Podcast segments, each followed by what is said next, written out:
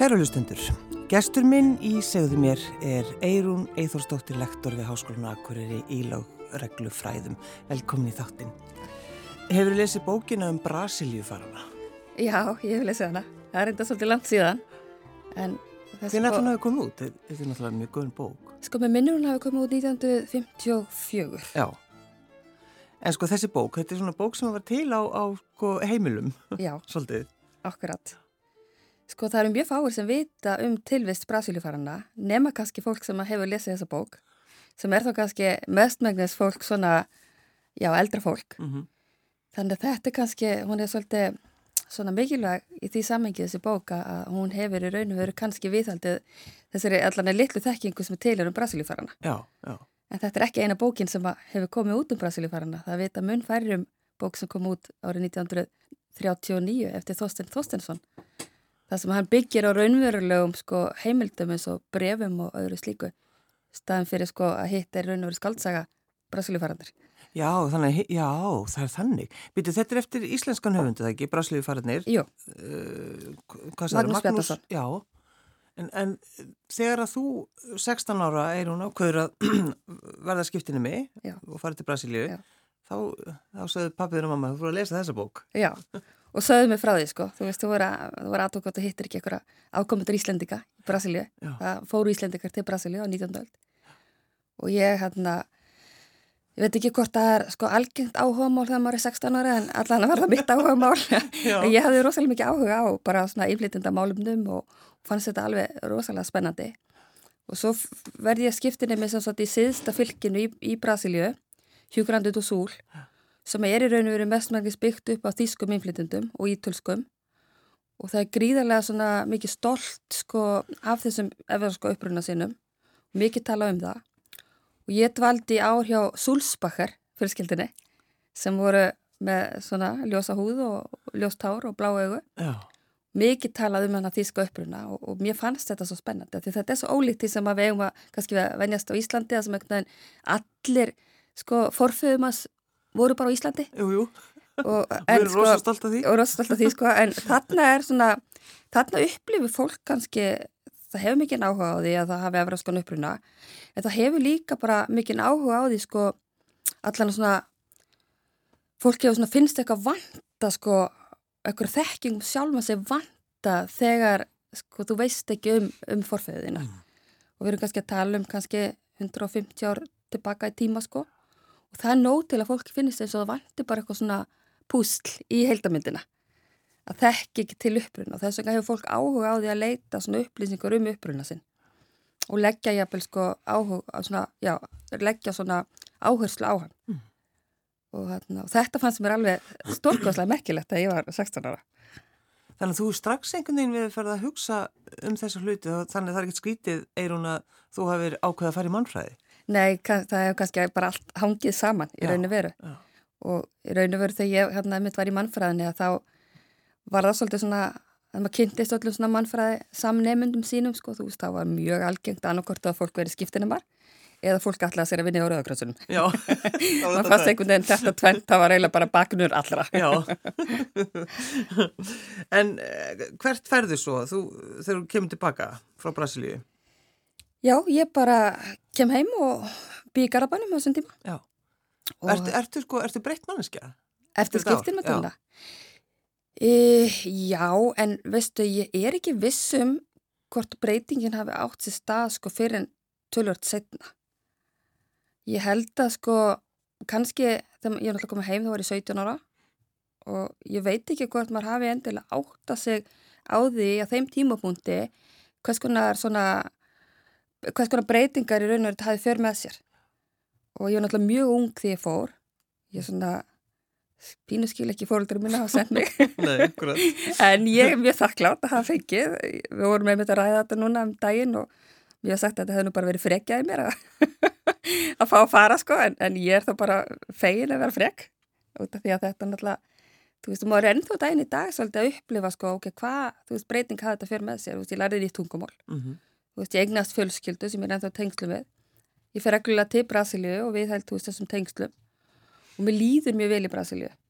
Reynda, veist, Brasilíu er mjög ólíkt Íslandi en, en það er eitthvað þarna sem er bara líður mjög vel mm. ég kann vel við, við, við brasa og já þannig ég held að þetta hafi breytt tölvört lífumann sem var kannski var á ungur fyrst til átt að sá því breytingar mm -hmm. og það er náttúrulega algjörlega þessu þessari dvöl að þakka ég fór svo í doktorsrannsóknarna mína sem byggði á viðtölum við afkomundur Íslandingana í Brasilíu og þau viðtöl eru öll tekin á portugalsku og það er ekki mikil ennsku þekking hjá mörgum í Brasilíu og það hefði möguleg ekki verið hægt að gera þessar ansók nema sko að afla sér portugalsku þekkingar fyrst. Já þannig að þú fóst út þegar þú varst auðvitað, ég held að þið bara gert þetta hérna heima en auðvitað eru þeir Já. út í Brasilíu, Já. væntanlega. Þannig ég fór alveg í, í doktorsverkefninu þá fór ég í, sérst, fór í tvígang í gagnaöflun. Já, já, já, já. Annars var ég, fyrst var ég mánuð og svo var ég þrjá mánuði en svo hafði ég farið áður líka svona undirbúning áður ég byrjaði náminu það sem ég var svona styrkja tengslanett mitt við, við þess afkomendur og kynast þeim þannig já, þannig ég var úti og kannski eru er fjóri mánuður ekki langu tími í vettvángsatögun fyrir mannfræðing en ég er náttúrulega grætt á því að hafa mikla þekking á Brasilju hafa búandi þar, tala tungumálið þekkjandi samfélagið. Og þekkjandi í rauninu veru þetta samfélagi í söður hluta Brasilju það sem ég á skiptunum með og það sem Íslandingarnir settust að. Vegna þess að, að söðurluti Brasilíu er raunveru bara mjög ólíkur til dæmis norðurlutan þetta er umhlað gríðalega stort land. En þarna þessi söðurluti enginnist svolítið af með þessum, þessum uh, uppbyggingu inflytenda frá, frá Evropu á 19. öldinni mm. Það voru sko draumatni náttúrulega að, að, að komast frá Íslandi á þessum tíma uh, það voru 500 mann sem að skráðu sig já til leiks Já. en það voru, voru ekki nema hvað 39 sem fóru sko ég veit ekki endilega hvort að draumurna að vera að fara frá Íslandi, ég held að draumurna að vera að skapa sér góðu lífskiliri Já. sem var já, nánast ómögulegt á Íslandi. Það var náttúrulega bara mjög erfitt og þetta er nánast allt fólk á Norðurlandi sem fór. Og 1859 var sagt, mjög miklu kuldar. Það var bara ísmeð fram ströndum bara fram á sumar og og bændur sagt, áttu í eruleikum þú veist með, með hérna, dýrin sín og annars líkt þannig að þetta var mjög erfið tími. Mm. og ég held að bara að því það var erfitt að bú Íslandi og svo skellur á eitthvað svona mjög harður vetur fólk hafi bara svolítið mist móðin sko, verið tilbúin bara nánast í hvað sem er Já. ef það þýttir einhverja möguleika á einhverjum tækifærum Ætli íspinnir hafi komið hana? Lítur að vera ef ísin hefur verið við land? Já, ég þekk ekki sögur af því sko Nei. en það er mikið talað, Þorstedt svo tala nefnit mikið um þetta í bóksinni ævintýri frá Íslandi til Brasilju sem mm er skrifið hérna 1979 það sem hann er um þetta að tala um sko hvað þetta í rauninu veru kannski var til þess að menn tók okkur svona alveg skrefi að flytja erlendis og þessi hópur ætlaði þessi fyrst að flytja til Grænlands og þá kemur uh, maður að nafna Einar Ásmundsson, kallar Einar í Nesi. Hann talaði meðal hans þísku og svona mentaður, einstaklega var síðar alþingismöður. Hann hafði sem sagt uh, aflæsir upplýsingar, það var náttúrulega frá svona 1820 voru Európabúar búin að vera að flytja mikið til Ameríku, Norður og Suður Ameríku, meðal annars Brasilíu. Og Brasilíu eins og hinn löndin voru að bjóða fólki að koma og niðugreiða jafnvel ferðir, gefa fólki jafnvel land og auðvelda að þeir, þeir vildu fá fólk, sko, vantaði fólk. Og hann hafði sem sagt eh, svona viss af þessu, þekkti til þess að hafði örgla fengið einhver tímaritt frá Þýskalandi eða hinn á Norðurlandun, Danmörku eitthvað og, og svona og þeir fréttina náttúrulega sko bárust á milli á þessum tíma þó þær bárust sannlega ekki á sama hraða á í dag. Nei, nei, en það komist í skila. Já, en hann mætir að þarna fund með þessu fólki þar sem þau eru svona að undirbúa að lækja drauga grænlandsför og segir bara að þetta sé nú bara meiri vittlesan að flytjur einu kvöldu landi í annað. Og hvort að þau vilji ekki frekar skoða Brasilíu. Og hann næra samfara fólk og það verður til þess að það er stopnað svona félagskapur uh, Íslensk-Brasilíska útflutningsfélagið og það leiði til þess að það eru fjórir menn sendir til Brasilíu 1863 sem átt að fara sem sagt fyrstir til að finna landsvæði fyrir svona Íslandst samfélag í Brasilíu mm og svo bara, já, svo, svo gengur það nú ekki tilstaklega vel. Þeir eiga greinlega sko enga peninga og eru opaslega svona illa búnir að fara í þessa ferð. En þannig að það svona gengur ekki til tíu ár en á þessu tíu ára tímpil eru samt sko yfir 500 manns búin að skrá sig í ferðina. Og sumir meiri er til sögur af því að fólk seldi allt sitt og svo flutti til beigð og akureyri þangar til átt að koma skip og sækja þau og flytja til Brasilíu og svo kom ekkit skip þannig að margir bara mistu mikið á þessum tíma. En uh, tíu árum setna 1873 og þá fer loks hópur 34 einstaklingar til Brasilíu. En og það er jafnvel sko ég tel jafnvel að sko hluta þessum hóp, þessum 500 manns eða 500 manns sem fór, mér finnst ekki ólíklegt að, að stór hluti þeirra hafi svo enda í Kanada. Því Kanadaferðinni byrja hann 1872 ári áður en það fara til, til hann að Brasilju í setnarskiptið og það er einhvern veginn miklu meira skipulega kringum það. Já, já, já. það er miklu fleira að fara þannig að kannski hefur svona Brasilja þótt hansi kannski illa skipulagt og langt í burtu meða við að fara til Kanada En uh, þegar maður hugsaður um sko af hverju þeim dætt í huga að fara til Grænlands, að örugla bara kannski að því að það var stutt eða... Já, mér finnst ekki ólíklegt sko. En hvernig ætti þeim hefði gengið þar? Það er nú ekki... Þeim hefði bara örugla gengið jafnýtla á Íslandi. Já, akkurat. Og ég held að það sem er sko svo, sem ég finnst, mér þykir svona, svona hluti sem ég þykir svo væntum sko Brasilíu söguna er okkur sko að ég, einn greinin sem ég skrifa þá erum við raunum verið búin að gera mjög mikla bakgrunnsskoðun á Brasilíufjörðunum minna heima, mm. bara hver var staða þeirra, efnæsli staða, stjættarstaða og annars lið, hver byggur, hvernig byggur og þetta fólk mestmægnis var mjög fátækt að þetta eins og bara almennt fólk á Íslandi og vitandi svo hvað varðu úr þessu fólki í Brasilíu þá þykir maður svo vænt um það sko hvaða, hvaði vegnaði vel, mm. svona all flestum og hvað í raunum veru hvað, hvað það tóku mikla áhættu en hún borgaði sig. Já. Að því leitið þau hefðu gott en auðvitað var fólk að skilja við sko fjölskyldu sína. Það voru dæmi um að einn móðir í stóri fjölskyldu var eftir Íslandi með pappin og börnin fór til Brasilíu. Dóttir í einni fjölskyldu var eftir Íslandi þannig fólk var líka að segja bless við nána að, svona ættingja fjölskyldu og Og ekki miklu líkur á því að, að þeim myndi hittast aftur? Nei, Já. og fólk hittist ekki aftur. Nei, auðvitað. Ja. Eirun, uh, ég kynni þessin lektor við Háskólan Akureyri.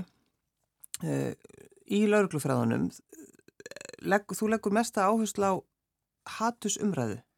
Já, hatusumræðu, hatus svona klæpi, mismunun og, og svona uppgang öfgabla og svona fjölbryttileika í tengslu við laurugluna. Lauruglustörfi í fjölbreyttu samfélagi og þú ert sko, að því það er ekki nóg bara að vera í vinnu, þú þarf náttúrulega alltaf að forma að skrifa, Já. Eh, þú ert að skoða líka, er það ekki hatusklæpi á Íslandi, þú ert ekki rannsaka það núna? Jú, ég svo satt var að ljúka dóttarsprófunu mínu í mannfræði um Brasilíufarana, en ég náttúrulega sko byr, samt byrjuð á og byrjaði samt fyrir hvað tveim ára síðan á rannsóknum um hatusklæpi, ég svona, sá fram á það ég myndi nú mögulega ljúka þessu dóttarsprófi eitthvað daginn og þannig að ég það þurfti eitthvað nýtt að taka við. Mm. Þannig ég byrjaði að skoða hattuskleip á Íslandi fyrir cirka tveim árum og er búin að sagt, taka viðtöl við fólk búsett hér á Írlandi sem hefur lendi í hattuskleipum um þá reynslu sína. Og svo í sumar að þá lagði ég fyrir spurningalistu könnun með uh, nefnda við Háskólan Akureyri Efi Marju Ingadóttir fyrir pólveri á Íslandi. Og spurningalistu könnunni var löð fyrir á pólsku og fólk að svara á pólsku og það var sko háttið þúsund mann sem svöruð þeirri spurninglistakönnun sem spurði nánast eingöngu um þá upplifun þeirra af mismunum í íslensku samfélagi, fordómum, uh, hattusklæpum og, og hattustjáningu. Sko 998 svar ykkur, Já. er þetta ekki svolítið mikil fjöldi? Jú, við byggjastu ekki við þessu. Nei. En þetta sko, þetta má kannski bara segja að Og það sem að ég og Eva höfum svolítið rætt, sko, þú veist, kannski vantaði bara vettfang fyrir þetta fólk bara að segja frá, þú veist, fá áheirt. Já. Út af því að það eru alveg, þú veist, þau sem svara þessari könnun, þetta er náttúrulega fólk sem hefur lendið í ykkur, það er, sko, það eru átakanlega sögur og frásagnir og það er augljós, sko, og á þessum, sko, tæpla þúsund manns, þá eru, sko, yfir 300 manns búin að bjóða sér fram í að koma í viðtal, svona eiginlegt svona bara viðtal út í rannsókninni. Já. Það sem við myndum þá spjalla dýbra um sko þessar upplifun, þessar upplifun fólk. Að það er augljóst að fólk hérna greip þetta tækifæri að segja frá og það kom okkur óvart hvað við fengum góða sörn mm. og sem er líka kvetjandi að halda áfram að skoða þetta því að við verðum eiginlega sko að við skuldum eiginlega þáttökundunum það að, að þetta verði ekkit látið kurt, kurt líka heldur þetta verði skoða á vinni kjölinn. En, en getur þú sagt, Eirún, sko hvaða, hvaða er sem að þau eh, hafa lendi í? Langstæðsti hlutin var að lenda í einhvers svona sem þau upplöðu mismunum, mm -hmm. oft í tegingslu við vinnu. Það er eindir eitthvað sem hefur alveg svo sem verið rannsakað og er svo sem vitað að, að fólk erlundum upplöfuna er að lenda oft í svona á þeim í starfi. Þau upplöða mismunum að þau sem jafnvel sko ekki fá, fá námið sitt metið eða fá læri laun heldur nýslendingar og færi tækifæri. Mm. Þetta er svo sem alveg verið að einhver leiti kortlagt, þannig að kom kannski ekki óvarta að þau upplöfu þetta og þetta voru svona flestar frásagninnar. En það voru tölvört mikið líka frásagnum um hattustjáningu, að fólk sé að upplifa hattustjáningu þeirra garð, að fólk er að tala bara ítla um pólverja, til pólverja. Mm. Og svo var minnsti hlutin, en þó nokkuð stór hópur sem hafði upplifað það sem það skildgrindi sem hattusglæp og þá erum við að tala um hluti eins og líkamsárásir. Líkamsárásir sko aftur þau eru pólsk ráðist á því að þau eru pólsk. Mm. verið mikið skemtaverk verið að skemma bílana þeirra. Skemma jafnvel sko brjóta rúður heimilið þeirra og, og fleiri alls konar svolítið frásagnir. Og, þarna, og það var sko átakanlegt svolítið að, að lesa yfir allar þessar frásagnir vegna þess að ég hef náttúrulega líka starfa lengi sem lauruglukona og tímabili starfaði ég sem laurglumar þar sem að var sérstaklega að skoða hattusklepi og ég get nána sagt það með algjöru vissu að ef einhvað af þessum brotum er að skilja sér á bortu lauruglu þá er þau afar fá. Mm. og það var líka svolítið niðurstofnum sem rannsókn og fólk er ekki að leita til lauruglu með þessi brot og það er áhyggjafni Er það út af því að þeir bara treyst ekki lauruglunni á Íslandi?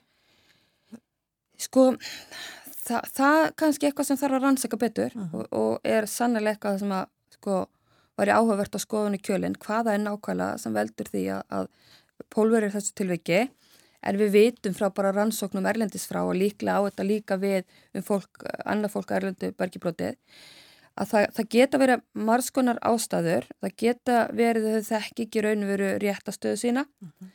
þau þekki ekki hvað lauruglan getur gert fyrir þau Uh, þau geta verið með fordóma akkord lauruglunni sem þau draga kannski frá sínu heimalandi, sérstaklega koma frá landi að sem er kannski lauruglunni álinn spilt og, og hefur ekki svona tröst. Svo hafa þau líka kannski bara upplifaðu ykkur útlökun í samfélaginu og, og, og upplifa þá þá líka einhvern veginn sko akkord lauruglunni að veist, þau fá ekki þjónustu þar frekar en að þau séu tekin inn í samfélagi að öðrum leiti. Þannig það geta verið marg skonar ástæður mm. og Erlendis hefur þetta tölvört verið skoðað og það hefur verið lög svolítið mikil áherslu á það að lögreglan sko sé svolítið svona eigi frumkvæði þarna í að, að nálgast þessa hópa.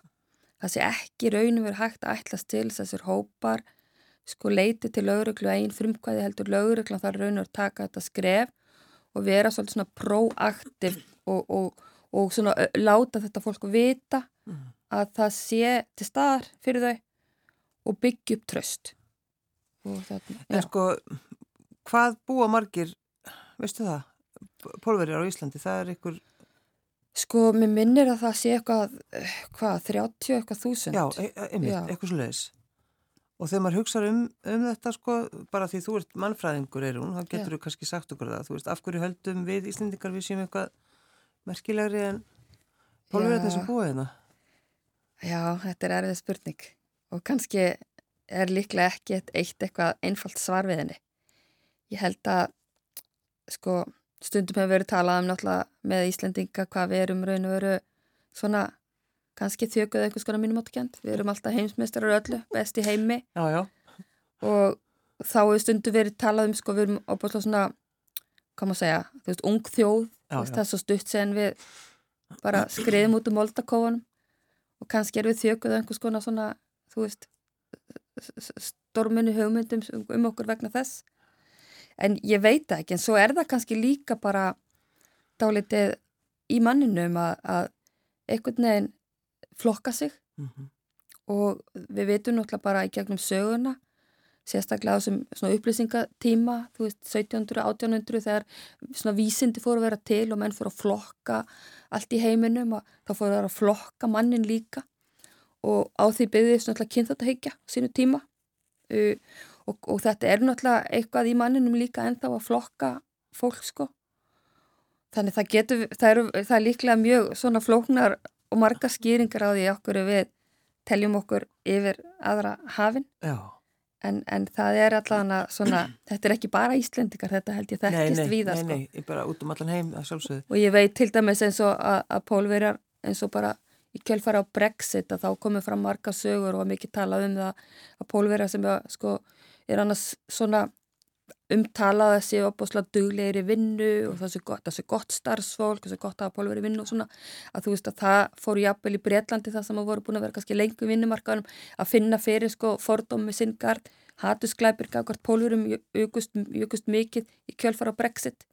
Og þá er í raun og veru þá búið styrkja þessa hatustjáningu, styrkja þessa, þessa neikvæði tjáningu gafkvært þeim og styrkja kannski þessa, þessa svona hýjarkíu, þú veist að einhver sé betri en aðrir og það er svolítið hættan við það að, að leifa eða svona, þú veist, svona samþykja hatustjáningu, mm -hmm. því hún byggir á þessu útlokun ákvæmna hópa og ef það er til staðar í samfélaginu einhver svona hugmyndur um að einn hópu sé betur en annar hópur og svo verði eitthvað svona frjálstrými til að skapa neikvæða viðþorf eða að skapa hatust verðum hatustjáningu gagvart þessum hóp sem þegar er kannski álitin síðri að þá verð, þá er svo mikil hætt á þessi hópur upplöðið sér bara útlokaðan í samfélaginu og jaðasettan og þá erum við líka farin að tala um það þá snýst þetta ekki lengur bara um þá einstaklinga sem eru upplöðið sér jaðasetta útlokaða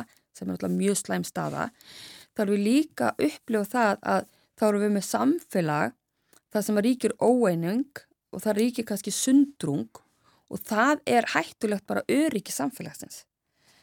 Þess vegna sko, þegar við erum að tala um hatustjáningu og fordóma og, og hatusglæpi, þá snýst þetta ekki bara um sko, þá sem er verða fyrir þessu. Þetta snýst ekki bara um inflytindur eða, eða hinsegið fólk eða þá sem er verða fyrir hatusglæpum.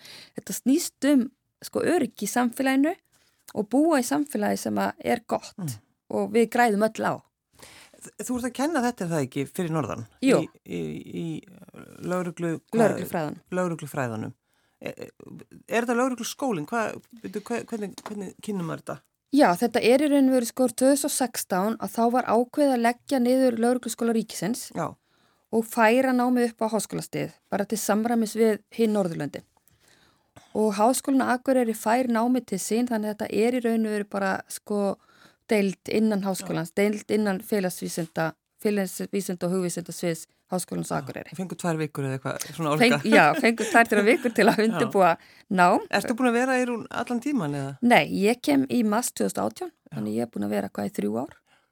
Hérna, þannig það er svona, maður, maður, ég má segja kannski að ég sé bara ótrúlega sko heppin að hafa fengið að koma inn svona snemma. Mm þó hefur vissulega verið erfitt af því það hafa verið allskinn spyrjun og örðuleikar en sko nú er maður farin að sjá sko að hlutin eru farinir að þú veist þróast vel og þú veist að fara að ríkja miklu meir sátt og, og bara svona við erum kannski farin að vita betur hvað við erum að gera. Mm.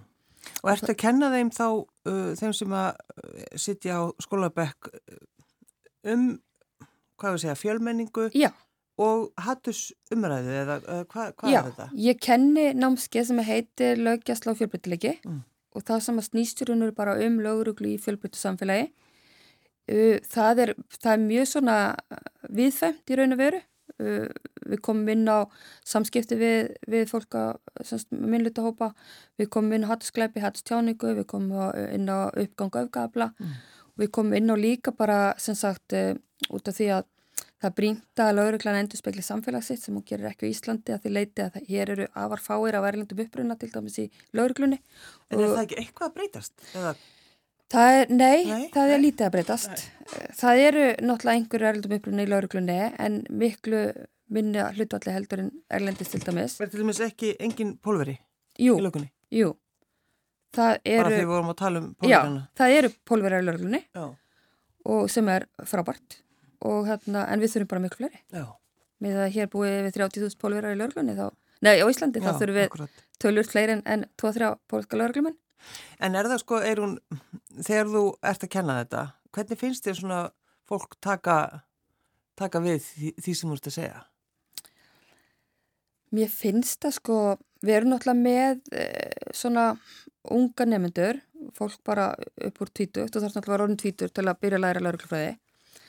Mér finnst bara ungt fólk í dag vera alveg ótrúlega opinsugar og meðvita um réttindi, mannréttindi. Mm. Þannig mér finnst bara almennt sko nefnendur taka þessu vel og mér finnst bara áhugavert að sjá hvað þau vita mikið og þekkja mikið til þessa málaflokks og annað slik. En svo vitum við náttúrulega ekki hvað gerist þegar þau byrja svo í lauruglunni út af því að lauruglan sjálf hefur kannski að mörguleiti meiri mótandi áhrif á lauruglumenn heldur en námið Já, einmitt. og, og þá er ég, ég held ekki, ég hef ekki ágjör því að, lauruglan sé þjökuð af fordómum, ég hef alls ekki ágjör af því en það getur verið alls konar vinnubröð, það getur verið alls konar kannski orðanótkun, alls konar hugmyndir til staðar Mm. Sem er kannski ekki eskilt að sé eh, svona innan lauruglunar. En er verið að fylgjast með því innan lauruglunar, er hún? Ég á erfitt með að segja til um það, ég þekki ekki. Jú, ég held að sko allir vilja náttúrulega, ég held að lauruglumenn upp til hópa séu bara metnaða fullir í að vera góða löggur Mm. og það snýr að því og, og vera góð lögga þá ertu góður í samskiptum og þá ertu góður að leysa úr málum og finna lausnir.